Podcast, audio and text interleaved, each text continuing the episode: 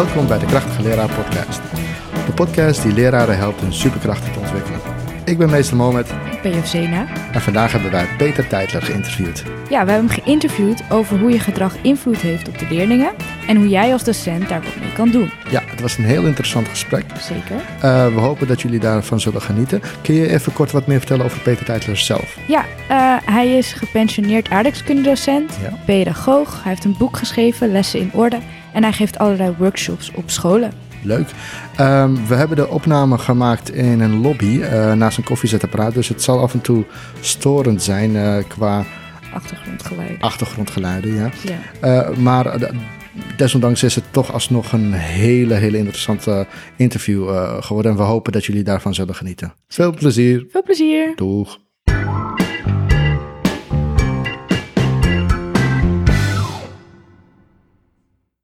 Welkom Peter.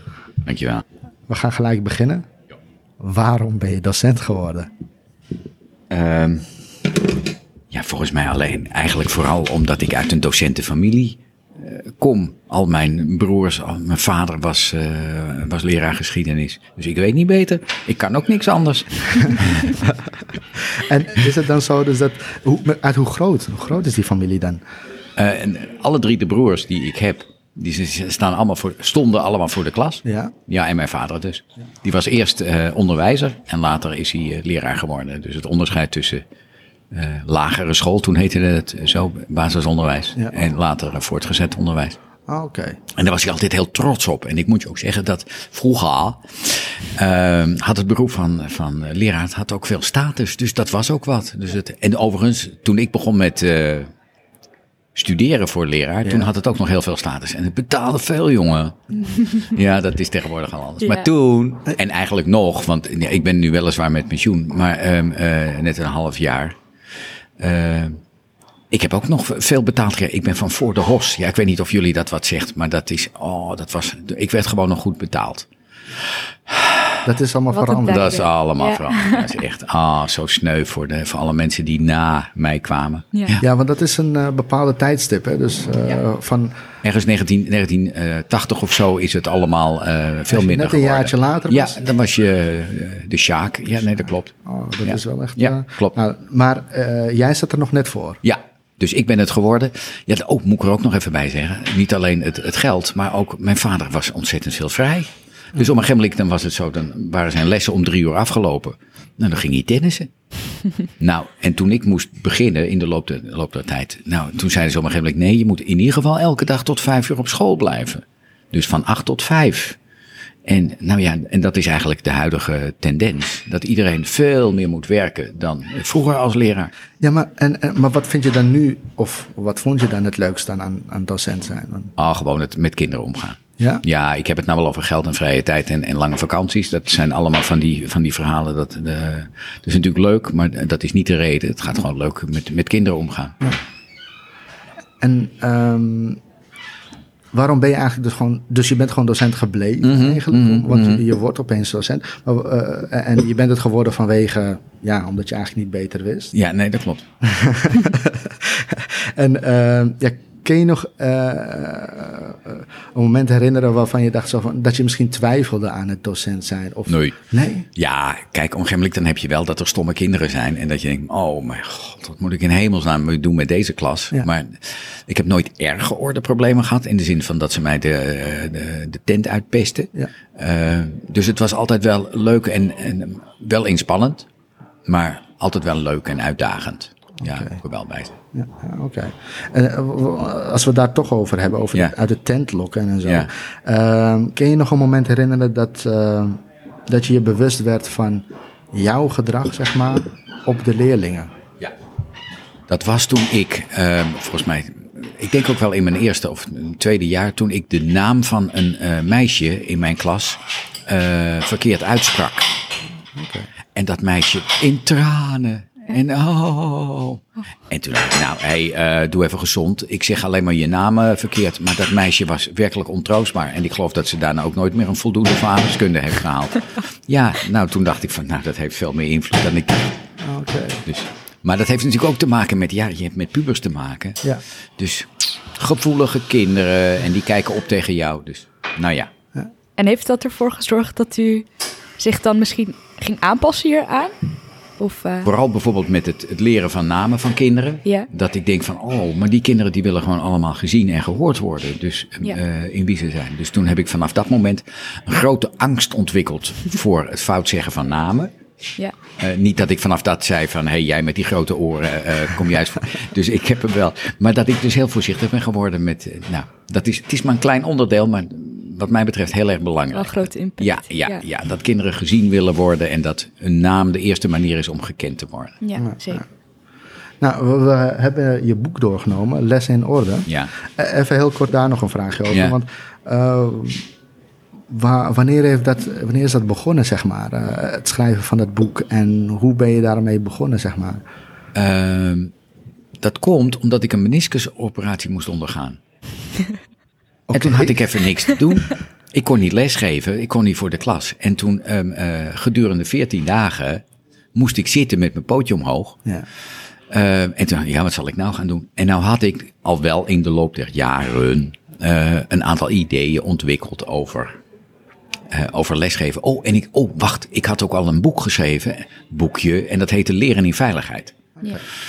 En dat liep wonderwel. Dat wil zeggen, er werden zomaar 10.000 van verkocht. En toen dacht ik van, hé, hey, misschien dat dat nuttig is. En dat ik gewoon niet alleen een boekje van 50 bladzijden schrijf, maar misschien een wat dikker. Dus toen heb ik al mijn ideeën heb ik verzameld. Gedurende die 14 ja. dagen met mijn pootje omhoog. Ja. En um, toen was er een uitgever en die zei, zijn er nog mensen die boeken willen schrijven? Nou, en toen dacht ik van, nou, weet je wat, ik ga gewoon eens met die uitgever praten. En ja. toen heb ik dat gedaan. En toen werd dat niks. Die zegt, ja, die vond dat een slecht idee. Wat ik had over, over orde houden, zegt hij, nee, dat gaat hem goed. We willen dat boek dan misschien wel uitgeven, maar orde houden, nee, dat is geen item. Daar zit niemand op te wachten. En ik vond dat zo raar. Ik denk van, hoe kom je daar nou bij, man? Ja. Volgens mij is orde houden is de basis. Daar begint, van, het, van, mee. daar begint het mee. Ja. En daar eindigt het mee. En als je dat niet lukt, dan ben je per definitie een, een leraar die niet goed is. Hm. Dus toen zei hij, nou goed, dan gaan we dat wel uitgeven. Goedkope uitgaven maken we ervan. En nou, weet je wat, als er 800 verkocht worden, dan, uh, nou, dan spreken we al van een bestseller. Dus dat zou wel heel mooi zijn als er 800 verkocht worden. Nou, ik zit nou volgens mij over de 60.000. Oh, wow. Dus er is een schreeuwende behoefte aan. Het is overal verplichte literatuur. En het is ook inderdaad gebleken, gelukkig, op alle leraaropleidingen, um, uh, als een fundament onder goed lesgeven.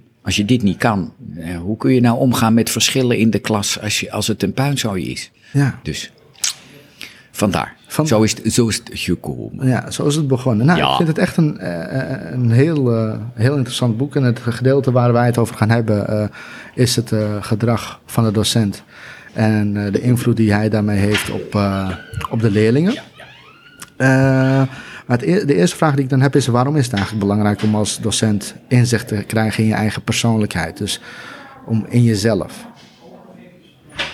Ik begin met iets te vertellen over een boek dat ik ooit gelezen heb. Dat is van een meneer Kompernolle. Ja. Dat heet Alles went, ook een adolescent. Dat is een erg leuk boekje. Die man die schrijft nu over heel andere dingen. Hij is eh, volgens mij neurowetenschapper eh, en psycholoog. Maar hij heeft dat boekje geschreven. En het fascinerende aan dat boek was dat hij mij de ogen heeft geopend bij het opvoeden van pubers. Wat, sta- wat stond er namelijk in hoofdstuk 1? Niks over pubers, maar alleen maar over... Hallo beste lezer, hoe is het ermee? Zit je lekker in je vel? Ik nam het een raar boek. Ik wil wat weten over die pubers. Dus hoofdstuk 2 ging weer niet over die pubers. Dat ging over ehm, de andere opvoeder. Dus in dit geval mijn vrouw. Ja. Hoe zit jij lekker in je vel, m- vrouw? Nou, moest ik aan haar vragen van die, van die meneer Kompenol. Dacht ik, nou, eindelijk hoofdstuk 3 gaat dan vast over die puber. Weer niet. Dat ging over de relatie tussen mijn vrouw en mij. En als er nou problemen waren, of we dan samen probeerden tot een oplossing te komen. Dus helemaal niet over dat stomme gedrag van die puber. Nee. En toen eindelijk in hoofdstuk 4, toen ging het pas over, over de puber. En eigenlijk is dat het boek dat mij op het spoor heeft gezet. Want eigenlijk zegt die man, het gaat in principe over opvoeden. Die, die professor Kompernolle, die zegt, luister, stel nou dat je een kind hebt met problemen. Ga dan eerst bijvoorbeeld met vrienden en vriendinnen praten van... Wat zouden jullie nou doen als jullie zo'n puberzoon of dochter hadden? Ja. Dus helemaal niet van eh, straffen en hup naar je kamer. En, en wat, nee, maar ga eerst nou eens nadenken. Wat zou jij nou kunnen doen Ja. eh, om dat gedrag te waarom, waarom erger je je nou zo aan dat? eh, Waarom vind je het nou zo erg dat zo'n kind zijn kamer niet opruimt of dat hij brutaal is of wat dan ook? Ja. En op het moment dat je daarachter bent, dan kun je pas dat kind goed helpen. Oh, nog een voorbeeld, nog Ja. een voorbeeld, nog een voorbeeld.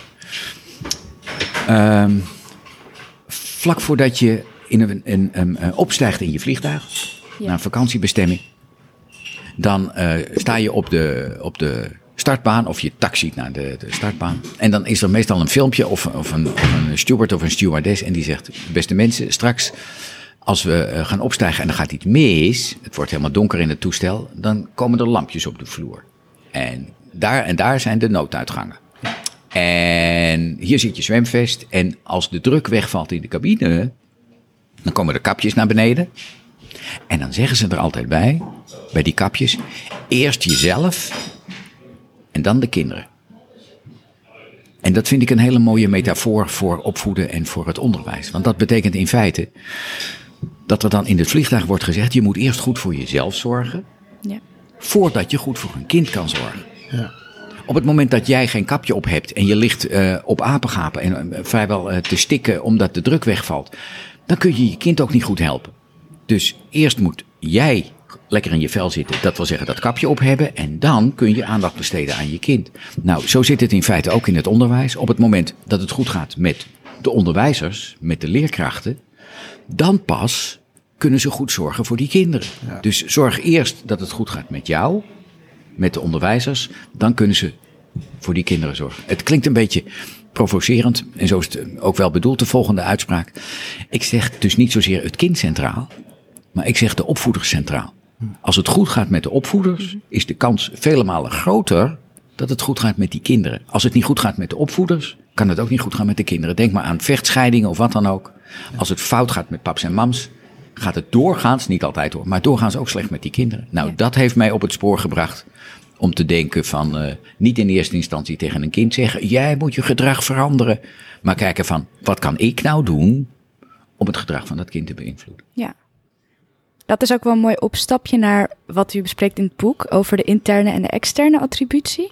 In hoeverre kan jij iets veranderen aan wat iemand doet? Of in hoeverre schrijf je iets toe aan iemand anders? Ehm, maar waar ligt de grens, zeg maar? Dat weet ik niet. Dat is iedere keer weer uitvogelen in, in, in de praktijk. Ehm, eh, waar je dat doet. Als je, ehm, meestal is het zo dat als je denkt van, nou, ik heb nu van alles geprobeerd om Ja. dat gedrag te beïnvloeden en het lukt maar niet. Of dat kind blijft maar volharden in, in zijn of haar ongewenste gedrag. Dan zou je kunnen denken van, wat kan ik nou doen? Bijvoorbeeld koffie drinken, ik hoor koffiegeluiden. Ja. Wat kan ik nou doen om, om het gedrag van iemand anders te beïnvloeden? Oké. Oké. Dus het Ja. is eigenlijk iets wat je zelf aan zou moeten voelen. Echt. Ja, Dus niet dan de- denk je op een gegeven moment, het lukt niet meer op deze manier. Ja. Wat kan ik nou doen om het wel te laten lukken? Oké, Nou, dat is wel een goede vraag om te stellen aan jezelf. aan jezelf. Ja, Ja, ja, ja. ja, ja. Ja, want ik zat, ik zat weer te denken van in hoeverre kan je doorslaan daarin. Je, je gaf in, eh, in het boek een mooi voorbeeld van dus dat eh, een, een leerling die gedraagt zich niet. Oh ja, Ja. dat ligt aan de leerling, want Ja. die heeft de- zus en zus en zo. Eh, maar je kan ook de andere kant in doorslaan in dat je zegt van ehm, die onvoldoendes van die leerlingen, Ja. dat, is, dat is mijn verantwoordelijkheid. Ja. Eh, dat is natuurlijk misschien wel een mooie gedachtegoed om te Ja, hebben, maar je kan ook no- nooit volledige verantwoordelijkheid van de leerling overnemen. Nee, nee, nee, nee. Dus eerst, kijk, ik wil best naar mezelf kijken, maar die leerling moet ook zijn best doen. Om het maar simpel te zeggen. Ja. En die moet ook de capaciteiten hebben. Want anders kan ik eh, eh, nou in, introspectie doen tot ik een ons weeg. Maar dan blijft hij onvoldoende houden als hij gewoon niet, niet slim genoeg is. Of de vaardigheden niet heeft. Of zijn best niet doet. Precies. Nou, dan hebben we dus, ehm, heb jij het in, in je boek over een model eh, om ja, eigenlijk eh, eh, je persoonlijkheid, zeg maar, eh, Onder de loep te nemen. onder de loep Ja, te ja, nemen. Eh, kun je daar wat meer over vertellen?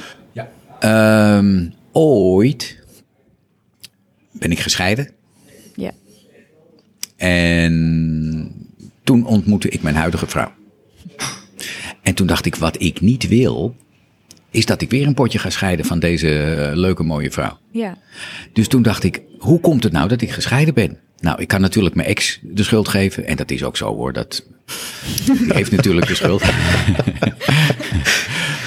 maar dacht ik ook, luister, dat kan, dat kan best. Maar dan los ik niks mee op. En voordat je het weet, trap ik in dezelfde valkuilen en wat dan ook. En zit ik weer in zo'n prut situatie. Waarbij bovendien was ik bang eh, dan weer een kind wellicht de dupe zou worden. Dus ik, nou, ik wil niet dat dat nog een keer gebeurt. Toen dacht ik, wat was mijn aandeel nou in het niet goed gaan van dat huwelijk? Dus toen ben ik in therapie gegaan. Ja. En toen uh, heb ik mezelf binnenste buiten laten keren van... Uh, waarom doe je wat je doet? Waarom denk je wat je denkt? Uh, hoe komt dat nou? Waar komt dat vandaan? Nou, dat heeft zoveel opgeleverd dat ik niet alleen dacht van... het is nuttig dat ik naar mezelf kijk, maar het is wellicht nuttig voor alle opvoeders om te kijken... waarom doen ze wat ze doen? Ja. Nou, zo is dat model uh, uh, geboren. Dus uit mijn eigen therapie. En later dacht ik van, nou, misschien dat andere mensen daar ook iets aan hebben. En daarom heb ik het opgeschreven. Oh, top. En um, is dat, want we vroegen ons af, is dat het enige model? Wat nee, nee, nee, nee, nee, nee. Ik heb dat wel daar beschreven, maar er zijn, ik noem maar wat, mensen kunnen ook met behulp van de, de Roos van Leary bijvoorbeeld uh, het gedrag van, uh, van kinderen bekijken en hun eigen gedrag. Ja. Als zij zitten, ik neem aan dat de luisteraars bekend zijn met de, Roos van Leary. Maar dat, dat is onder andere, stel nou dat ik me uh, opstel als, als boven. Ja, dan dwing je haast een ander om als onder zich te gedragen. Dus als ik streng en dan krijg je waarschijnlijk onderdanig gedrag van de leerling. Of juist opstandig gedrag van de leerling. Ja. Dus nou, dat is een ander model. En dat is ook, dat is ook nuttig. Mm -hmm. Als je maar een model hebt waarmee je naar jezelf en naar leerlingen kijkt en de onderlinge relatie. Ja. U beschrijft in dit model um, verschillende rollen. Ja. Die lijken misschien ook een beetje op wat u net ja, deed over klopt, die dat, klopt, dat is ook doos.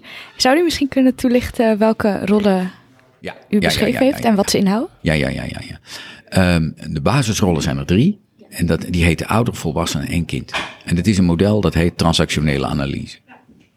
En moet ik even bij zeggen, transactionele analyse. Als ik wat tegen jullie zeg en jullie knikken of jullie zeggen ja, dan hebben wij een transactie. Oh ja. Zo heet dat. Ja. En als ik dat nou probeer het, uh, na te gaan, hoe dat loopt, dan is dat de analyse ervan. En daarom heet het transactionele analyse. De rollen ouder, volwassen en kind. Eerst maar even de ouderrol. Splits ik meteen in tweeën. Uh, de ouderrol, dat is de rol die je meestal van huis uit hebt meegekregen, waarbij je ouders het voorbeeld waren.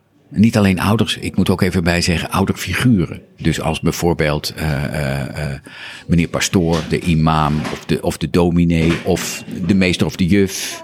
Of opa en oma of Sinterklaas of weet ik veel wat. In ieder geval dat soort, of een burgemeester, of, oh, laat ik dat meteen even vertellen. Want zo oud ben ik. Voor mij was bijvoorbeeld Hare Majesteit de Koningin. Was, uh, was een, dat is een ouder figuur, zoals nu uh, uh, Willem-Alexander een ouder figuur is. Ja. Maar dat hoeven dus niet direct... Je ouders te zijn. Nee. Nee, nee, nee. nee, nee. nee maar bijvoorbeeld ook niet direct een rol spelend in je leven, maar dat kunnen ook gewoon dus hele belangrijke Belangrijke in, personen in de maatschappij zijn. Juist, okay. juist. Dus stel dat ik een, een burgemeester ontmoet van de, de, burgemeester van Amsterdam, dan heb ik meteen, oh, dan ga ik dus al haast automatisch in een wat onderdanige rol, omdat dat voor mij een ouderfiguur is. Of een, of een hoogleraar of een, een leidinggevende. Dat zijn ouderfiguren. Ja, ja. Nou zijn er twee soorten ouderfiguren. Strenge ouderfiguren. En die vertellen je wat je moet doen. En meestal zijn dat docenten in het begin. Dus die zeggen tegen kinderen, doe dit, doe dat. Dus die zeggen van uh, een gebod of een verbod uitvaardigen in de klas. Je moet opletten, je moet je best doen. Je Ja. moet, nou je hoort me iedere keer al het woord moet zeggen. Of je moet niet. Je moet niet uh, omgedraaid zitten. Je moet niet uh, zomaar de klas uitlopen. Je moet niet kletsen. Nou, strenge ouder. De zorgende ouder. Je merkt al aan mijn intonatie dat dat de andere ouderfiguur is. De zorgende ouder. Dat is degene die het beste met je voor heeft. En die vaak zegt van, nou dat mag. Of doe maar je best. Of uh, zou je niet een muts opdoen als het koud is? Of denk erom dat je uh, voldoende fruit eet. Of de, uh, ga op tijd naar bed en poets je tanden. En nou, dat is de zorgende ouder. Dat zijn de twee ouderfiguren. Mm-hmm. Volgende figuur, dat is de, je volwassene. Ja. Eigenlijk is dat, jij geeft ICT, is dat een soort computer. Dus die legt uit, die kan dingen oplossen. Dat is vooral een zakelijke instantie. Die, um, uh, ik leg nu bijvoorbeeld iets aan jullie uit. En dat betekent dat nu mijn volwassene aanstaat en aan jullie uitleg hoe dingen in elkaar zitten. Volgende, dat is je kind. Zelfs ik heb, terwijl ik toch al 37 ben, uh, nog altijd een kind in mij. Ja. Dus een, een, een, uh, of een leuk, of een stout, of een ondeugend, of een, of een boos jongetje. In ieder geval, hoe oud je ook bent, dat heb je nog altijd in. Ja. Twee soorten kinderen. Dat is het aangepaste kind. Dus op het moment dat ik de burgemeester zou ontmoeten, dan zou ik zeggen van, ah, mevrouw de burgemeester of meneer de burgemeester, dan ben ik mijn aangepaste kind. Dan eet ik uh, met mes en vork. Uh, dan spreek ik netjes met twee woorden. Dan uh, was ik mijn handen na het toiletgebruik. en nou, kortom, dan ben ik aangepast aan wat mijn ouders mij ooit geleerd hebben. Ja. Als leerlingen zich gedragen zoals jij als leraar dat wil, dan zijn ze het over het algemeen aangepaste kinderen. Dus dan zitten ze in die, dat onderdeel van hun persoonlijkheid. Maar ik heb ook een vrij kind in me. En die, uh, nou, die wil af en toe zelfs tijdens dit interessante gesprek af en toe wel zeggen van poep. dat is het vrije kind in mij. En die is soms boos en die is um, uh, opstandig en die is soms bang en die is um, um, soms ook hartstikke blij. En dan, uh, nou kortom, of, of heel verdrietig. Nou, je herkent al die rollen en dat zie je ook in leerlinggedrag. Die kunnen boos zijn, die kunnen opstandig zijn, die kunnen verdrietig zijn. Dat kan ik ook. Dus ook ik heb dat. En kinderen kunnen dat ook. En wat is nou, het, vind ik het interessante van transactionele analyse? Dat de bedoeling is dat je kinderen zo raakt in dat onderdeel van hun persoonlijkheid dat zij in feite gewenst gedrag vertonen en lekker en goed kunnen leren. Want het zijn tenslotte leerlingen, dus dat ze lekker in hun vel zitten, in een veilige omgeving. En dit zijn eigenlijk instrumenten die je hebt om het gedrag van de anderen te bepalen. Dus je kunt ze proberen te raken in hun aangepaste kind, in hun vrije kind, maar ook in hun oudersysteem. Dus ik zou eventueel tegen jou uh, kunnen zeggen van, zeg, moet je horen, als je straks uh, gaat lunchen, zorg je dat je in ieder geval twee stuks fruit, uh, een glas melk en, nou kortom, en als hij dat dan doet, dan zit hij in zijn, in zijn ouder, want, of je kunt eerst zeggen in zijn aangepaste kind, maar intern zegt hij dan, oh ja, dat zou ik eigenlijk moeten. Nou, dat is in het kort uitgelegd wat die transactionele analyse is. En ook de manier waarop je dat kan gebruiken in de klas. Dat betekent dus veel rolwisselingen ja. om ervoor te zorgen dat kinderen uh, doen wat jij zegt, aangepast gedrag vertonen, gewenst gedrag vertonen. Uh, rolwisselingen op een betrouwbare, voorspelbare manier. Dat moet ik er wel even bij zeggen, want als je te veel um, in je kind zit, uh, als docent, dan denken die kinderen, nou, uh, luister, leren we hier nog wat? Of hoe zit dat? Die willen alleen maar, uh, ik noem maar wat video of alleen maar filmpjes. Die zitten alleen maar op YouTube. En ik wil ook wat leren, want ik ben ook leerling hier. Nou, kortom, veel rolwisselingen kunnen toepassen. Niet altijd toepassen, kunnen toepassen. Oké. Ja? Ja. ja. dus er valt niet te zeggen uh, dat er bepaalde rollen zijn waar tussen een goede leraar het meest zou moeten switchen. Het zou echt om in alle het, rollen gaan. Ja, maar in het begin, als je pas voor de klas staat, dan raad ik je aan om in ieder geval je vak goed te beheersen. En dat is je volwassene. Dat je uit kunt leggen, in mijn geval dan hoe strato en schildvulkanen in elkaar zitten of andere aardrijkskundige onderwerpen. Mm -hmm. En dat je vanuit je ouder beseft dat het goed is dat kinderen structuur uh, geboden krijgen en voorspelbaarheid en regels. En dat ze weten dat uh, de docent, jij, uh, dat je duidelijk bent naar hen toe. Dus ik heb in het begin van het jaar vooral mijn ouder aan. Oké. Okay. duidelijkheid. Vaak ook mijn strenge van, hey, let eens even op. Nou, nu even je mond houden. Dus mijn strenge ouder aan. vanuit de gedachte dat dat is waar kinderen in het begin van het jaar op zitten te wachten. En ik moet tenslotte ook ervoor zorgen dat die kinderen doen wat ik zeg. Dus dat ik orde kan houden, dat ik de regie in handen hou. En dat is vooral vanuit mijn strenge ouder. Maar misschien dat ik beter dat um, um, uh, anders kan zeggen. En, want het is niet de bedoeling dat ik streng ben, maar vooral dat ik consequent ben in het begin. Dat is de achterliggende gedachte. Streng en consequent is fundamenteel wat anders. Veel kinderen denken dat je streng bent, of vinden je streng als je consequent bent. Nou, dan maar. Maar consequent is beter dan streng in het begin. Okay. En is er een manier waarop je uh, kan achterhalen hoe, welke rollen jij allemaal gebruikt tijdens je lessen? Dus dat je, uh, hoe kan je reflecteren om erachter te komen welke rollen jij het meest gebruikt? Door um, opname van jezelf uh, terug te zien. Alsjeblieft, neem videoopname van jezelf. Laat ja. iemand dat doen. Laat iemand achter in de klas zitten en zeggen van nou, ik vond dat je wel heel erg veel dit of dat. Uh, deed je dat bewust of was dat onbewust? Je ziet het natuurlijk ook aan de reacties van de, van de kindertjes. Um, hoe ze reageren. Nou, laat ik even een voorbeeld geven. Er stond vorige week een interview in de krant van een uh, docent. die had in Rotterdam in allerlei uh, achterstandswijken had hij les gegeven. En die zei, ik begon mijn les altijd zo. De aller, aller, aller, allereerste les. En dan kan je duidelijk zien wat, wat hij wilde bereiken bij die kinderen. Ja. Hij zegt, eh, de leerlingen kwamen binnen en ik stond uit het raam te kijken. En terwijl ze binnenkwamen en op hun plaats gingen zitten, en allemaal verwachtingsvol eh, draaide ik me om. En dan zei ik tegen de kinderen, kinderen, ik weet niet wat jullie allemaal over mij gehoord hebben. Maar het is nog veel erger.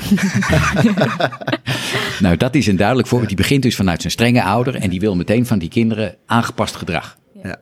Nou, dat is een duidelijke manier om te laten zien. Nou, dat is kennelijk de favoriete positie van die docent. Die die, zeker in het begin, ik weet niet hoe de rest van zijn, uh, van zijn jaar eruit zag, maar zeker in het begin. Wat mij betreft hoeft dat niet hoor, dat je op die manier begint. Maar dat is een manier om te laten zien. Je ziet meteen aangepast gedrag van die kinderen. Nou, dat betekent waarschijnlijk dat ik als docent vanuit mijn strenge ouder heb, uh, heb gereageerd.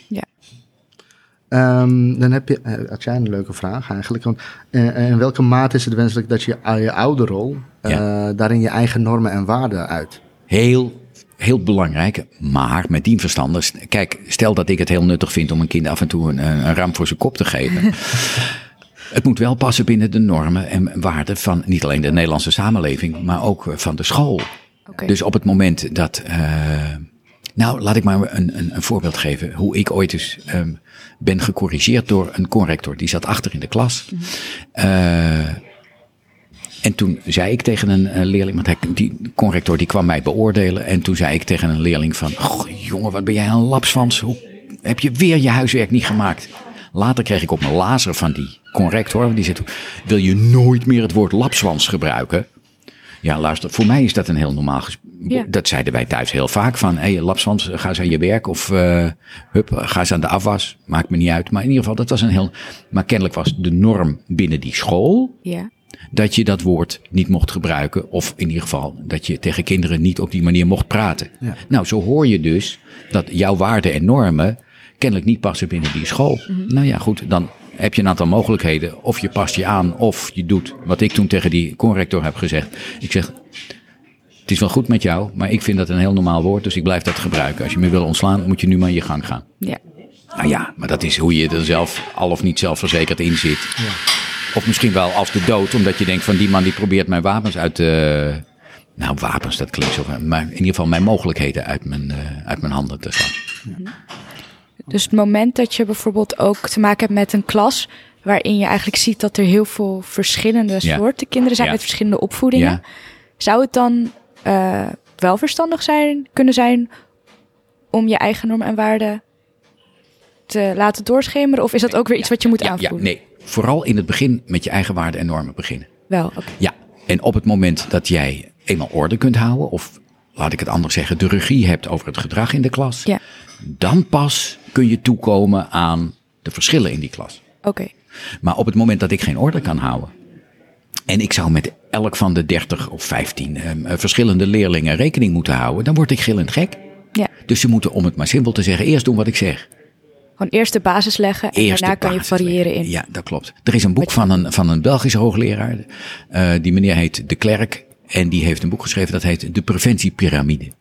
En die zegt, wat je verder ook wil in het onderwijs, met activerende didactiek, met omgaan met verschillen, met allerlei mooie werkvormen.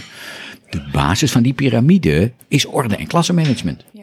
Als dat niet op orde is, dan kom je niet toe aan activerende didactiek, aan omgaan met verschillen, aan PBS of aan welk mooi um, uh, uh, PBS, de Positive Behavior Support, aan welke vorm van, van mooie onderwijs dan ook. Dus eerst die basis. Dus ik ben die meneer De Klerk erg dankbaar voor zijn preventiepyramide, want die bevestigt mij in dat wat ik tegen kindertjes allemaal zeg. Hallo lieve kindertjes, leuk en fijn dat je in mijn klas zit, maar je moet wel doen wat ik zeg.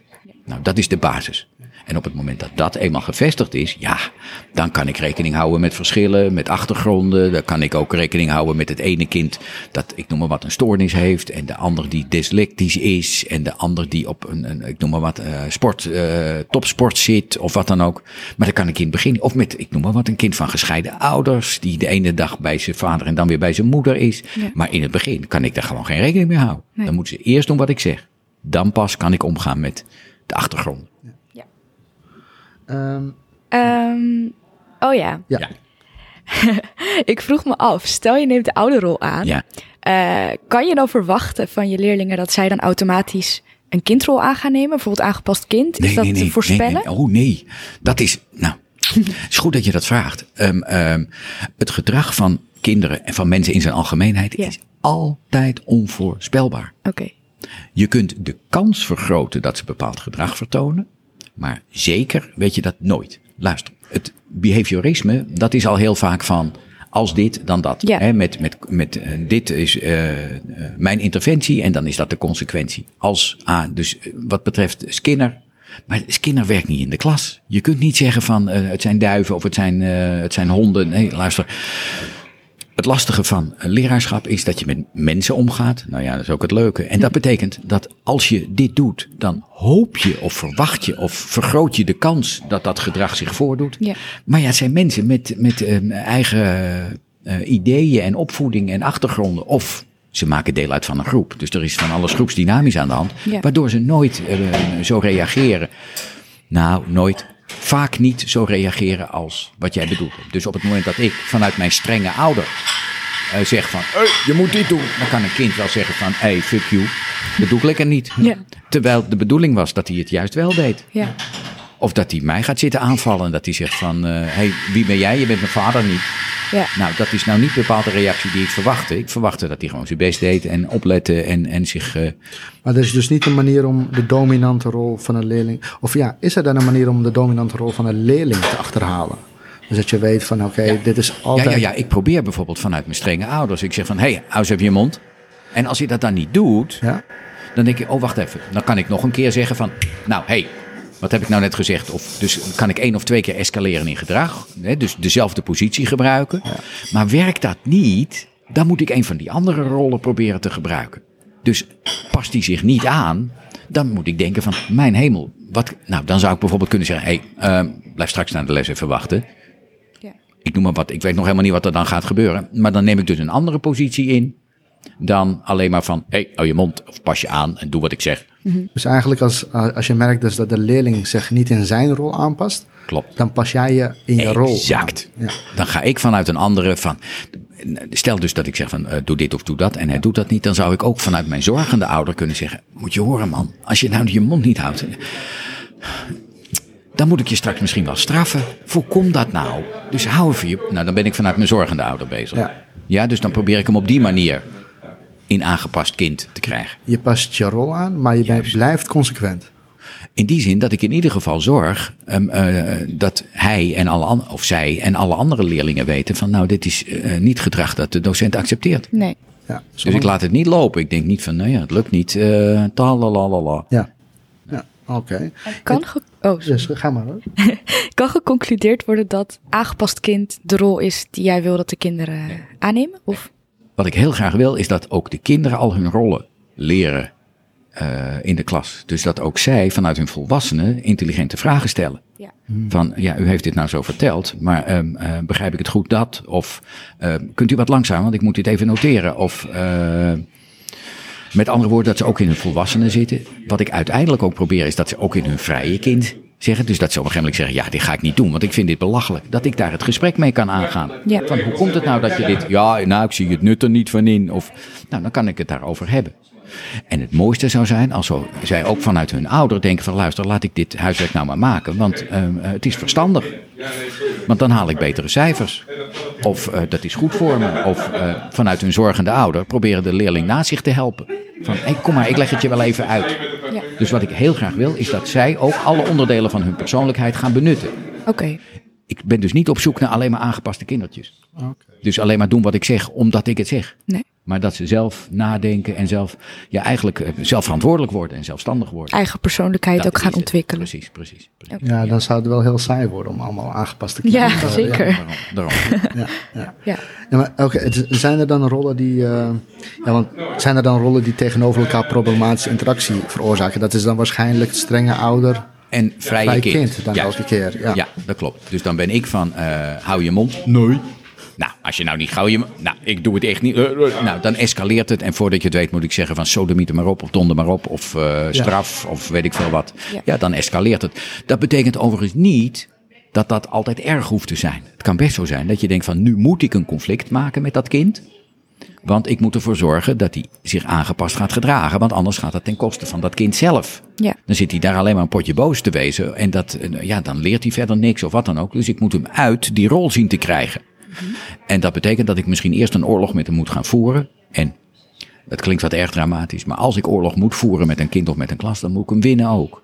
Want anders Ja. verlies ik zelf en dan verliezen die kinderen ook. Dus in het belang van die kinderen en in het belang van mezelf moet ik, als een kind oorlog wil, vanuit bijvoorbeeld de thuissituatie, die is alleen maar bekend met het feit dat hij gecommandeerd wordt.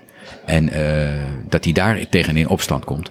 Dat ik denk van, nou luister, ehm, vanuit die positie bereik ik hem niet. Ik moet kennelijk wat anders proberen. Maar eerst even doen wat ik zeg. Escaleren. Je past je nu aan en anders straf of eruit of weet ik veel. wat. Ja. Ehm, nou, op welke manieren kunnen dus docenten eh, onvoorspelbaar reageren Mhm. voor de leerlingen dan? Dus dat je eh, kan wisselen in je rol, Ja. zonder dat de docent inconsequent overkomt. Nee.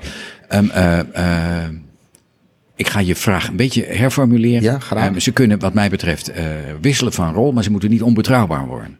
Oké, onbetrouwbaar. Onbetrouwbaar, dat wil zeggen dat een kind denkt van... "Ah, de ene keer doet hij dit en de, en de andere keer... ehm, eh, eh, eh, waarom hij wel en waarom ik niet. Dus, ehm, dus dat het gedrag voor die kinderen eh, zo raar wordt... Ja. Dat je eigenlijk alleen maar vanuit macht probeert eh, te reageren. Ik moet even vertellen wat in mijn ogen macht is. Ehm, hoe heet die film ook weer? Schindler's List. Daar komt op een gegeven moment eh, in voor een situatie van een kampcommandant. Ik weet niet of je de film gezien hebt hoor, maar een kampcommandant in een eh, vernietigingskamp. En die staat met een geweer op zijn balkon. En die richt op mensen en volstrekt willekeurig schiet hij de ene dood en de ander niet. En gewoon waar die zin in heeft. Dat is een definitie van macht. De volstrekte willekeur. Maatregelen toepassen op anderen, zodat ze niet meer weten waar ze aan toe zijn. Oké. Nou, dat wil ik voorkomen dat een docent dat doet. Volstrekte willekeur. De ene keer dit en de andere keer dat. Dus je kunt wel wisselen van rol. Maar zorg ervoor dat je in ieder geval voorspelbaar bent. En dat de kinderen weten van luister, dit is meneer X of dit is mevrouw Y. En die reageert in ieder geval zus of zo. Want die heeft, ik noem maar wat, het beste met ons voor. Of dat is het. Oké. Oké. Heeft het ook met leeftijd te maken met, wel, op welke, met welke rol je reageert? Dus bijvoorbeeld bij pubers dat je dan eh, een bepaalde rol aanneemt en bij basisonderwijs misschien een andere rol meer? Ja, ja, ja. Ik kan me zo voorstellen. En ik, ik hoop dat ik mijn vrouw hier geen onrecht mee, eh, mee, mee aandoet. Want die komt uit het basisonderwijs. En ik herken bij haar vooral eh, heel veel duidelijkheid en heel veel zorgende ouder. Zij lijkt veel meer geduld te hebben met, eh, met haar leerlingen dan ik heb met mijn leerlingen. Voor een deel is dat ook verklaarbaar uit de omstandigheden. Zij ziet de kinderen een hele dag en een paar dagen. Ja. En ook allemaal tegelijk. En ik zie ze een uur of misschien een dubbel uur. Eh, en dan, hup, dan gaan de kinderen weer weg en dan komen er weer nieuwe. Dus het opbouwen van de band met kinderen duurt ook veel langer in het voortgezet onderwijs Ja. dan. Ehm, en leerlingen in het voortgezet onderwijs moeten ook weten van wie jij bent en, en hoe dat gaat. En dat gaat veel sneller eh, in, het, in het basisonderwijs, in het primair onderwijs. Nou ja, sneller. In ieder geval eh, leidt dat ertoe dat veel kinderen zich nog moeten aanpassen aan dat wat er de regels en de routines zijn in het basisonderwijs. Ja. Oké. Is er, ehm, ja, we, we vroegen, dat hebben we net al gevraagd eigenlijk, van of er een ander model is wat je had overwogen. Eh, maar omdat je het eigenlijk vanuit je persoonlijke situatie hebt eh, ja, ja, gebruikt, is dit echt het model waarvan je denkt van oké, Ja, toepasbaar. Ja. En eh, ook eigenlijk best wel duidelijk, eh, Ja. nu we het er zo ook over hebben. Ehm, de grondhouding die je hebt bepaalt eh, je manier van lesgeven. En de band die je hebt met je klas. Ja. Ehm, en waarom is het dan belangrijk om een beeld te hebben van je eigen grondhouding? Nou, stel nou, een van de grondhoudingen is dat jij slecht over jezelf denkt. Of dat je eigenlijk denkt van, ja, wat doe ik op deze wereld? Eh, ik ben niet de moeite waard. En, eh, of ik ben een hele slechte leraar. Of ik, ik zou eigenlijk moeten zijn zoals eh, mijn voorbeeld van vroeger, want die was veel beter. En ach ja, ik doe maar wat. Of ik eh, zit hier alleen maar voor het geld. Of met andere woorden, dat je een negatief zelfbeeld hebt. Oké. Dat betekent waarschijnlijk dat jij ehm, eh, als er wat gebeurt, meteen denkt: Oh, ik kan het niet. En oh, het gaat niet goed. En daar dus ook heel veel stress door ervaart. Ja. En dat je ook heel veel uitingen van leerlingen ziet als een directe aanval op jezelf. Oh, zie je wel, ik kan het niet. En wat dan ook. Nou, volgens mij, als dat jouw grondhouding is, dan wordt het uitermate lastig om leerlingen ook positief te benaderen. En te bedenken van, nou, ehm, eh, waarom doen ze wat ze... En die kinderen zijn wel positief en wat fijn en wat is de wereld toch mooi. Terwijl als je denkt van, oh, zie je wel, ik kan het niet. En en nou, ik meld me maar ziek en ehm, eh, ik heb zoveel stress en wat dan ook. Dus vanuit jouw negatieve grondhouding is het erg lastig om een goede positieve band met anderen op te bouwen. Ja. En hoe kan je dan ehm, je grondhouding, eh, zeg maar, voor jezelf, eh, nou niet bepalen, maar die, die is al zeg maar Ja. bepaald. Ga maar in therapie. Therapie. Ja. Dat is wel heel erg. Of, of lees mijn boek, want dan geef ik een aantal tips van Ja. hoe het nou komt dat, dat, eh, dat je zo'n negatieve grondhouding hebt. Meestal, niet altijd, maar meestal heeft dat te maken met de belangrijke gebeurtenissen in je leven. Om het maar simpel te zeggen, met je opvoeding. Stel dat jij altijd van, van thuis hebt te horen gekregen, nou, je bent niet de moeite waard. Of nee, wij zijn niet goed in wiskunde. Of eh, nee, als grote mensen praten, dan moet jij je mond houden. Dat heet de stoppers. En dat betekent, stel dat jij allerlei stoppers de- te, te horen hebt gekregen van eh, ik hou niet van je of eh, eh, je, je- bent niks en je kan niks en je zal nooit wat worden. Dan loop je het risico dat je een negatief, negatief, eh, ja, dat komt niet uit, negatief zelfbeeld ontwikkelt. Ja. Ja. En dat je vervolgens, dat, dat je grondhouding wordt. Nou, voordat je erachter bent dat het komt omdat ooit eens een ouder figuur tegen jou heeft, je vader of je moeder tegen jou heeft gezegd van, nou, dat wordt niks met jou. Of je bent stom, of, eh, oh, ik heb, nou hier even een voorbeeld. Ik heb ooit eens, oh, zo sneu. Ehm, had, ik een, had ik een oudergesprek. Dus er zaten voor mij een, een vader en een moeder. En eh, het ging dan over hun kind. Dat was er niet bij hoor. En dat ging over het slechte resultaat. Wat was nou het geval? Die meneer was chirurg. En zijn eerste vrouw, eh, die was overleden. Daar had hij drie kinderen mee. Ja. En die drie kinderen zaten allemaal op het VWO. Met zijn tweede vrouw had hij een jongetje en daar ging dat gesprek dan over. En dat jongetje, dat kwam op het, het VMBO terecht. En toen zei die man dus ook, ja luister, deze lichting, dat, dat, zijn al, eh, dat is een dommerd. Mijn eerste de drie kinderen, dat zijn allemaal hele slimme kinderen. Maar deze, ja, die kan gewoon niks. En die is bovendien lui. Nou, ik geef maar even een beeld. Als je nou wil weten hoe dat jongetje uit dat tweede huwelijk eh, voor de rest in het... Het hoeft niet hoor, want dat kind kan zijn eigen beslissing nemen van... nou, ik zal mij niet laten gebeuren wat mijn vader tegen me zegt. Ja. Maar de risico dat dat jongetje een negatief zelfbeeld ontwikkelt, is natuurlijk levensgroot. Nou, en die komt dan later de maatschappij in en denkt van ik kan niks en ik ben niks. En mijn broertjes en zusjes van, mijn, eh, van het eerste huwelijk van mijn vader, die zijn allemaal veel beter dan ik. Nou, ik noem maar wat. Maar dit zijn dus vaak dingen die vroeger zijn gebeurd. Klopt. Is het veranderbaar door jezelf? Ja. Of moet je echt hulp Je moet, zoeken? ja, nou, mijn tip is wel om erachter te komen van hoe komt het nou dat ik iedere keer, ik noem maar wat, een burn-out heb? Hoe Ja. komt het nou dat ik iedere keer ziek ben? Hoe komt het nou dat ik eigenlijk ongelukkig ben? Hoe komt het nou dat ik eh, in mijn relaties met vrienden iedere keer mensen kwijtraak of met mijn vriendinnen iedere keer ruzie heb? Of hoe komt het nou, nou kortom, als je een aantal negatieve ervaringen hebt, dan zou het zo kunnen zijn dat je op een gegeven moment denkt van nou misschien ligt dat wel aan mij. Nou, op het moment dat je daarachter komt, dan kan je vervolgens beslissen van, en als het nou zo is dat het aan mij ligt, ja, misschien moet ik er er wel wat aan doen. Er is een voorbeeld van iemand die komt bij een psychiater en die zegt, eh, dokter moet me toch eens vertellen, eh, ik ben nou voor de derde keer gescheiden. Eh, ik ben al eh, vijf keer ontslagen. En eh, eh, ik heb eh, ruzie met, eh, met al mijn vrienden. Sterker nog, ik heb geen vrienden meer. Dokter, legt u eens uit, u bent psychiater. Hoe komt het nou dat al die mensen zo gek zijn? Ja. Dan kan je niet echt geholpen worden. Dus op het moment dat je erachter komt, nou wellicht ligt het aan mij. Ja. Dat, nou laat ik het hebben over docenten, dat ik iedere keer maar zo'n rotklas heb.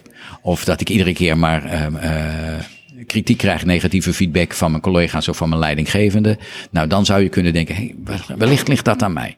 Wat zou ik nou kunnen doen om dat te veranderen? Nou, dan zou je, hoeft niet direct in therapie hoor, maar dat als eerste stap kunnen denken. Wat zou ik nou kunnen doen om mijn gedrag te veranderen? Ja, want dat is best wel, eh, heeft best wel veel invloed op hoe jij je, ja, je vak beoefent. Dat klopt. Eh, maar dan denk ik, dit heb ik allemaal niet gehad op de opleiding. ja, ik, ik, ik, ik, eh, terwijl dit wel echt een heel belangrijk onderdeel Mij is. ook. lijkt mij ook. Zou je, hoe zou dit onderdeel kunnen worden van de Eh, opleiding? ja, door mijn boek te lezen. En, eh, want daar staat het in. ja, Door het vooral ook te geven aan mensen die vastlopen in het onderwijs. Kijk, ik kan best zeggen van, een, eh, als ik iedere keer maar eh, ruzie heb met een klas. Ja. En ik moet iedereen eruit sturen en, en ik straf. En, en ik heb altijd ruzie met ouders en met, met mijn collega's en wat dan ook. Ja. Dan zou ik natuurlijk hetzelfde als die man van dat voorbeeld van daarnet kunnen zeggen van... de kinderen zijn stom en vroeger was alles beter en ze doen hun best niet. En eh, nou, stel dat ik zeg van... Oh, die VWO'ers zijn allemaal lui. Of eh, die eh VMBO'ers of die MBO'ers, die zijn allemaal te stom. Ja, luister, dat kan ik wel allemaal vinden, maar dat schiet niet op. Nee. Dus dan zal ik toch moeten denken van luister, misschien ligt het... Overigens zijn er veel docenten die dat blijven volhouden hoor. Die, die blijven zeggen van de kinderen zijn stom en ze moeten beter hun best doen. Dus die, leggen, die gaan extern attribueren. Die zeggen ja, het ligt aan de stomme school of het ligt aan, aan de buurt. Want ik, ik, ik werk in Amsterdam-Noord en nou ja, achterstandbuurt. Dus ja, dat gaat nooit wat worden. Of ik in Rotterdam-Zuid of weet ik veel wat. Dus het ligt aan die stomme kinderen. Of het, luister, die allochtonen, ja, die leren geen Nederlands. Dus ja, wat wil je? Die, die, eh, nou, kortom, dan ben je alleen maar extern aan het attribueren. En dan loop je het risico dat of jij denkt van wat sta ik toch negatief in het leven, maar het is de schuld van die stomme kinderen of van Den Haag of van mijn bestuur of van mijn directeur, maar daar schiet je niks mee op. Nee. Ja, dat is, dan zit je, sta je negatief in het, in het leven. Nou ja, veel sterkte. En Het wat, grappige is dat jij, jij zei, je hebt nu al ervaring en zo. En je zei, ik herken heel veel van die voorbeelden uit die boek. Die herkent ja. hij sommige gewoon. dingen daar schrok ik wel van. Dat- ja, ik, ik wil het even hebben over die vier basisgrondhoudingen. Ja, ja, ja, ja, ja. En dat is ehm, ik plus jij plus. Ja, dat zou het mooiste zijn. Het zou het mooi zijn, ik plus jij min. Ja, oh, dan heb je dus allemaal stomme kinderen in de klas. Inderdaad. ehm, ik min jij plus. Ja, dat is van, luister, ehm, eh, al, die, al die nieuwe wetse dingen, de sociale media en al dat ICT, ik hou het niet meer bij hoor, ik kan het niet. Ja, ik weet nog net hoe een VHS-videoband werkt, maar toen ben ik afgehaakt. Of wat een MP3-speler is, maar al die nieuwe wetse... vla- Nou, kortom, dan sta je dus negatief. En die kinderen, nou, die zijn zo slim met, eh, met ICT. Die zitten, hup, en die zoeken het op op YouTube of op Google. En nou, kortom, dan sta je ik min, jij plus. Ja. En dan heb je ik, Ik min, min. jij min. Precies, en dat betekent van, ik kan het eigenlijk niet. En eh, oh, waarom heb ik dit beroep gekozen? Wat ben ik toch eigenlijk een loser? En ik moet me iedere keer maar tegen andere mensen zeggen van, ja, ik ben maar leraar geworden. Want ja, je moet toch wat. En die kinderen die zijn stom, jongen. Bloed onder je nagels proberen er iedere keer. Goh, stelletje ettenbakken. Nou, kortom, dan ben je zelf negatief en dan sta je ook negatief ten opzichte van die kinderen. Ja, ik vind dat, dat iedereen dat gedeelte Ja, eigenlijk na een jaar of twee, drie in het onderwijs les te hebben gegeven, het opnieuw moet lezen. Want eh, aan het begin, wanneer je dus in de opleiding zit, ben je natuurlijk altijd wel positief en dan denk je van oké, alles is goed en prima. maar pas wanneer je echt midden in eh, ja, je vak zit, een Ja. paar jaar les geeft, en dan, ik las dat weer en ik dacht natuurlijk, ik ben gewoon plus plus. hey. Ja, helemaal. Ja. Eh, en toch vond ik het niet leuk om een aantal zinnetjes of een aantal woordjes te herkennen. Ja, ja, ja. En dan denk ik zo van, oh ja, kijk, Oh ja, oh ja, ik, oh ja, ik, ik, ik zal mezelf niet in, eh, in eh, volledige minnetjes eh, willen plaatsen. Maar toch, Een aantal van die. Herkenbaar. Ja, ja, ja, ja, ja, ja, ja, ja, ja, ja. daar moet ik mee oppassen. Ja. En ik denk dat ik dat nu pas wel goed van mezelf herken. Ja. Terwijl als ik dat aan het begin van de opleiding, of aan het begin van mijn carrière, dus net wanneer ja, ik ja. mijn mijn opleiding heb afgerond en ik ben eigenlijk aan het werk, ja. ik denk dat ik het dan niet zo Nee, logisch. Nee, ik beschrijf ook ergens in mijn boek, de, dat heet eh, de ontwikkeling van de docent. En als je pas voor de klas staat, dan ben je eigenlijk alleen maar met jezelf bezig. En om het maar een beetje negatief te zeggen, dan ben je aan het overleven. Ja. Je ziet nog allemaal die kinderen niet. Je ziet gewoon een amorfe massa leerlingen voor je. En je bent vooral bezig met je eigen stress. Of met je stem die hapert. Of met je keelpijn. Of met je, met je vermoeidheid. Dat je tijdens het jeugdjournaal al knikkenbollend eh, voor- voor de televisie zit. Omdat je bek af bent. En weer een toets. En nou kort, je bent zo met jezelf bezig. Je komt niet toe aan, aan, aan die kinderen. Nee. En pas in de loop van de tijd heb je het idee van... Hé, hey, er zitten verschillende kinderen in mijn klas. Hey, ook jongens en hey, ook meisjes. Nou, dat is een beetje overdreven. Maar met al hun verschillende achtergronden. En dan na verloop van tijd, dan ga je veel meer denken van... Wacht even. En als ik nou eens zus... Dus dan ga je naar jezelf kijken. En dan ga je van... Hey, waarom doe ik nou wat ik doe? En is dat ook wel het beste voor die kinderen en voor mezelf? Nou, dan kom je pas toe aan jezelf in de loop van je carrière. Ja. Nou ja, en de volgende vraag die ik eigenlijk had was: hoe maak je dus van een minnetje een plusje? Maar dat is dus eigenlijk dus door veel reflectie. Ja, eh, dat klopt. En vaak ook van anderen te horen krijgen. Van waarom doe je dat nou, man? Of dan merk je van, ik heb iedere keer maar ruzie. Of met mijn partner, of met, met een collega, of wat dan ook. En natuurlijk heb je allemaal stomme collega's. En je partner deugt ook niet. Maar op een gegeven moment kun je je toch afvragen van... hmm, misschien zit er wel wat in. Ja. Dorie. Nou, en ehm, in uw boek heeft Ja. u het over eh, 72 manieren om het gedrag van een leerling te beïnvloeden. Wij vroegen ons af hoe kom je op het getal 72? Want je had die vijf, eh, Ja. eh, wat is het, rollen. Rollen? Die jij zelf kan aannemen. En dan heb je ook nog goed kind kan reageren. En dan heb je Ja. ook nog goed kind kan reageren. Ja. En dat is toch vijf keer vijf is Ja, ja. 25. Ja, ja, ja, ja. Luister, in de eerste plaats Ja. ben ik niet zo goed in rekenen. Maar dit is. In de tweede plaats. Die uitdrukking 72 is eigenlijk alleen maar bedoeld. 1, 2, 3, veel. Dus stel nou dat methode 1 niet werkt. Ja. En methode 2 niet werkt. Ja. En methode 3 niet werkt. Denk dan niet bij jezelf. Nou, ik heb werkelijk alles geprobeerd. Ja. Maar probeer je dan te herinneren. Nee, wacht even. Die vent van dat boek, die zei dat er 72 waren. Dat betekent dat er ongetwijfeld nog andere manieren zijn. Ja. dan dat wat ik tot nu toe met mijn drie manieren geprobeerd heb. Welke manieren zouden er nou nog meer zijn om het gedrag van anderen, van mezelf ook, te beïnvloeden? Nou, het enige bedo- bedoeling van 72 is: zet mensen op het spoor dat er heel veel manieren zijn. Dus vraag bijvoorbeeld ook aan een collega: wat doe jij nou als? Of dat je bij jezelf daarna, hoe komt het nou dat ik iedere keer, terwijl ik dit doe, dat ik dat als reactie krijg? Dus die 72 is alleen maar bedoeld van, volgens mij heb ik, heb ik lang nog niet alles. Er, zijn, er moeten meer manieren zijn om het gedrag te beïnvloeden. Ja. Blijf niet hangen in wat je Blijf al doet. juist. Oké. Ja, dat is de achterliggende gedachte van 72. Oké. Eigenlijk zijn de volgende twee vragen al een beetje beantwoord. Dus die zullen we Ja. Overslaan. Oké, ehm, U heeft het in uw boek ook over goochelen met aandacht. ja. Ehm, dat is eigenlijk ook een manier Ja. waarop je Ja, kan reageren op Klopt. kinderen. Zou u misschien kunnen toelichten wat u met goochelen met aandacht bedoelt? ehm, dat wil ik doen. Wacht even, wacht even. Ik moet even kijken, hoor ik een ambulance? Horen jullie hem ook? Nee, nee ik, hoor geen, ik hoor geen ambulance. Nou, dit was een voorbeeld van goochelen met aandacht.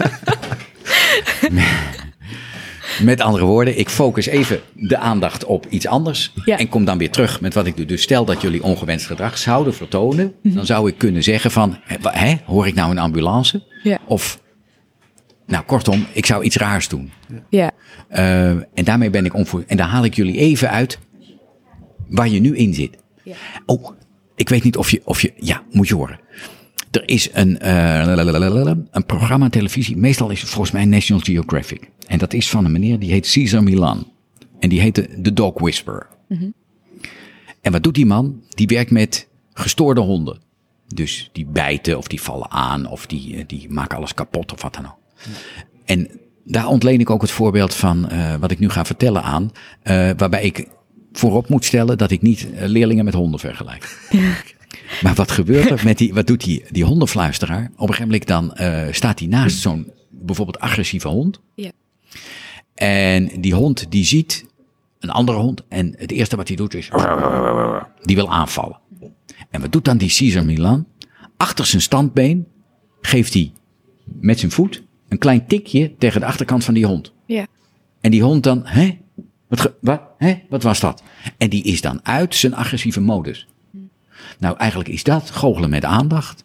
Als kinderen in een bepaalde manier van denken of gedrag zitten, Ja. dan kun je door wat anders te doen op dat moment, volstrekt onvoorspelbaar, ze uit die modus halen.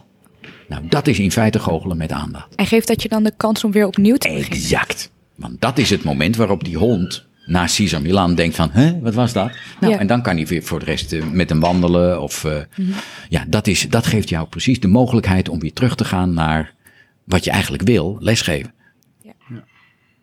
Dus het voorkomt ook, het is ook een handige tool om als je in een conflict raakt met een kind, dat niet alle kinderen de dupe ervan. Exact. Want als je in een conflict zit, dan zit je waarschijnlijk in eenzelfde soort. Stel, ik zit dan in. eh, misschien zit ik zelfs in mijn, in mijn vrije kind en ben ik boos op jou. En jij bent ook boos op mij. Nou, op het moment dat we alleen maar in die rol zitten, kwaad, kwaad, kwaad, kwaad, kwaad. Ja, dan loopt het alleen maar uit de hand. Dat wordt escalatie. Dan zou het handig kunnen zijn dat ik een andere rol op me neem en een andere interventie plaats, waardoor jij, huh? Wat? Hè? Nou.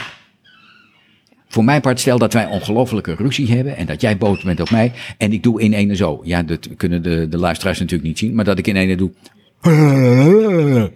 Hij trekt een hele gekke bek. Kijk. nou, luister, dat is meteen, dan is de spanning weg. En dan denk ik, nou. En dan heb ik een andere positie ingenomen. En ik wil niet zeggen dat de ruzie dan voorbij is, maar dan ben ik even onvoorspelbaar geweest. Dan heb ik gegoocheld met aandacht. Dat is eigenlijk het, het. Oh, nog een voorbeeld. Die heb ik van een collega van mij. Die heet Bas Jacobs. En dat is ook echt een goochelaar. En ik heb met hem ook dit onderdeel goochelen met aandacht ontwikkeld. Ja, ja, ja. Je moet hem ook maar eens anders interviewen. Ja. Want goochelen met aandacht van Bas Jacobs. Dan geef ik je zijn nummer en, en zijn, hij zal ook vast wel op Google te vinden zijn. Die had op een gegeven moment een zaal vol mensen. En die eh, zei, eh, dames en heren, eh, ik ben goochelaar. En hij pakte uit een, een papieren zak een touw. En hij gaf aan iemand uit het publiek een schaar. Knip dit touw door midden. Nou, hoeveel touwen heb ik nu? Ik heb nu twee stukken touw. Aan iemand anders en knip deze twee stukken. Nou, toen had hij vier stukken touw. Dus hij, wilt u dit nou allemaal in deze papieren zak doen? Deed het in, en toen sprak hij een of andere rare bezwering uit, een toverformule. En toen keek hij in de, in de zak en haalde daaruit vier stukken touw. En toen zei hij tegen de zaal, maar jullie waren wel stil, hè? Ja. Nou, dat is spelen met verwachtingen en toch iets onverwachts doen. Ja, ja. En daarmee heb je het hele publiek, je hebt alle aandacht heb je op je gericht. Nou, dat is een briljante truc. Die kun je niet in de klas toepassen, maar gewoon om duidelijk te maken wat goochelen met aandacht eigenlijk inhoudt. Nou, dan eh, zijn we aangekomen bij onze laatste, Ja. laatste vraag. Ja, ja, ja, ja. Als je een waardevolle tip mocht geven aan eh, huidige docenten, Ja. eh, of ja, de docenten van de toekomst mag ook, eh, Ja. ehm, op het gebied van communicatie met de klas, ja. wat zou dat zijn? Daar komt hij. En ik, ik heb hem al vaker bij, want ergens geef ik als tip tien tips om orde te houden. En mijn eerste tip is: wees niet jezelf en wees professioneel. Dat moet enige toelichting behoeven, maar het is vooral voor startende docenten. Ehm, wat ik daarmee propageer, is om een rol te spelen in het begin. De rol van docent. Eigenlijk eh, beveel ik startende docenten aan om net te doen alsof ze docent zijn. Oké. Dus ehm, niet zichzelf te zijn in de zin van dat ze authentiek willen overkomen of dat ze. ehm, eh, nou, kortom, doe net alsof je docent bent. Bedoel, dat is ook wat die kinderen verwachten die jij voor je hebt. Die verwachten jou niet, maar die verwachten een docent. Dus geef ze een docent. Geef ze die duidelijkheid van ik ben hier docent. Nog een achterliggende gedachte waarom dat handig zou kunnen zijn. Stel dat ik mezelf ben. En ik ben heel geduldig en opgewekt en leuk voor die klas. Omdat ik een fijne warme band met die kinderen wil opbouwen. En het lukt niet. Dus die kinderen vertonen allerlei ongewenst gedrag. Ja. Terwijl ik mezelf was, dan ben ik op dat moment dus mislukt. Ik was mezelf en het lukt niet. Ja. Op het moment dat ik een rol speel en die rol komt niet adequaat over, dan kan ik veel makkelijker van rol veranderen dan van persoonlijkheid. Dus dan kan ik denken, luister, misschien dat ik, om in transactionele termen te spreken, een andere positie beter kan aannemen Ja. dan wat ik tot nu toe heb gedaan. Met andere woorden, dan verander ik van rol om te kijken of die beter bij ze past. Dus ik kan makkelijker van rol veranderen dan van persoonlijkheid. Op de duur moet ik erbij zeggen, daarom is dit alleen voor startende docenten of in een startende situatie met een nieuwe klas. Op den duur gaat natuurlijk de rol en jouw persoonlijkheid samenvallen. Iedereen geeft op een verschillende invulling aan die rol. Maar speel in het begin een rol, dat is wat die kinderen wel zo voorspelbaar en structuurvol en duidelijk vinden. En daarmee krijg je, wat mij betreft, de regie in het begin goed in hand. Heel, tip. Mooie tip. Ja. Heel erg bedankt. Ehm, nou, dan eh, gaan wij nu even afronden en dan eh willen we je heel erg bedanken voor een eh, fijn, fijn gesprek. Ja? Ja, Mooi. ja. Nou, heel erg graag gedaan. Ik was al bang, want jullie hebben het over de krachtige leraar. Van, nou, laat ik maar eerst naar de sportschool gaan. Want, maar het Gaan bleek zo daar niet te drukken, Goed, goed. Oké, oké. Heel erg bedankt. Graag gedaan. Oké. Hoi. Wauw.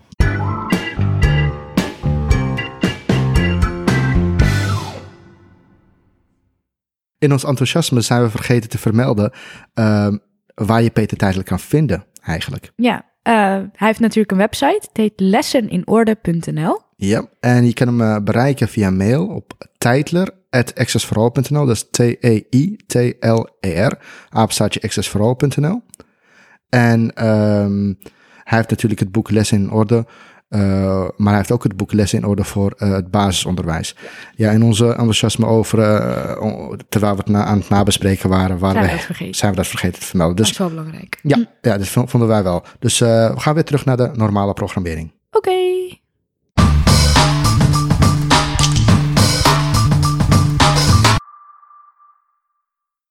Welkom, terug. Ah, Oké, Damn. tegelijkertijd. Yep. Ja, eh, nou, we hopen dus dat je hebt genoten van eh, het gesprek met, eh, ons gesprek met Peter Teitler. Ja.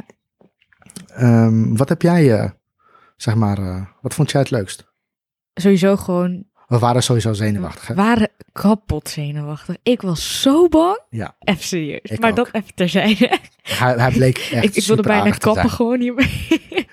Hij was echt aardig. hij was zo aardig. Dus dat vond ik sowieso echt het leukste van het interview. Dat hij gewoon heel veel voorbeelden gaf. Dat hij zoveel ervaring had. Dat is gewoon ook heel inspirerend. Ja. Gewoon heel leuk om te horen en al die verhalen. En eh, heel aardig dus. Maar inhoudelijk heb ik ehm, geleerd dat het heel belangrijk is om te kijken naar wie je bent. Hoe hij, wat hij zelf ook aangaf was van, hij las een boek en hij was van, wat is dit? Waarom moet ik mezelf afvragen hoe het met mij gaat, hoe het met mijn partner gaat, et cetera.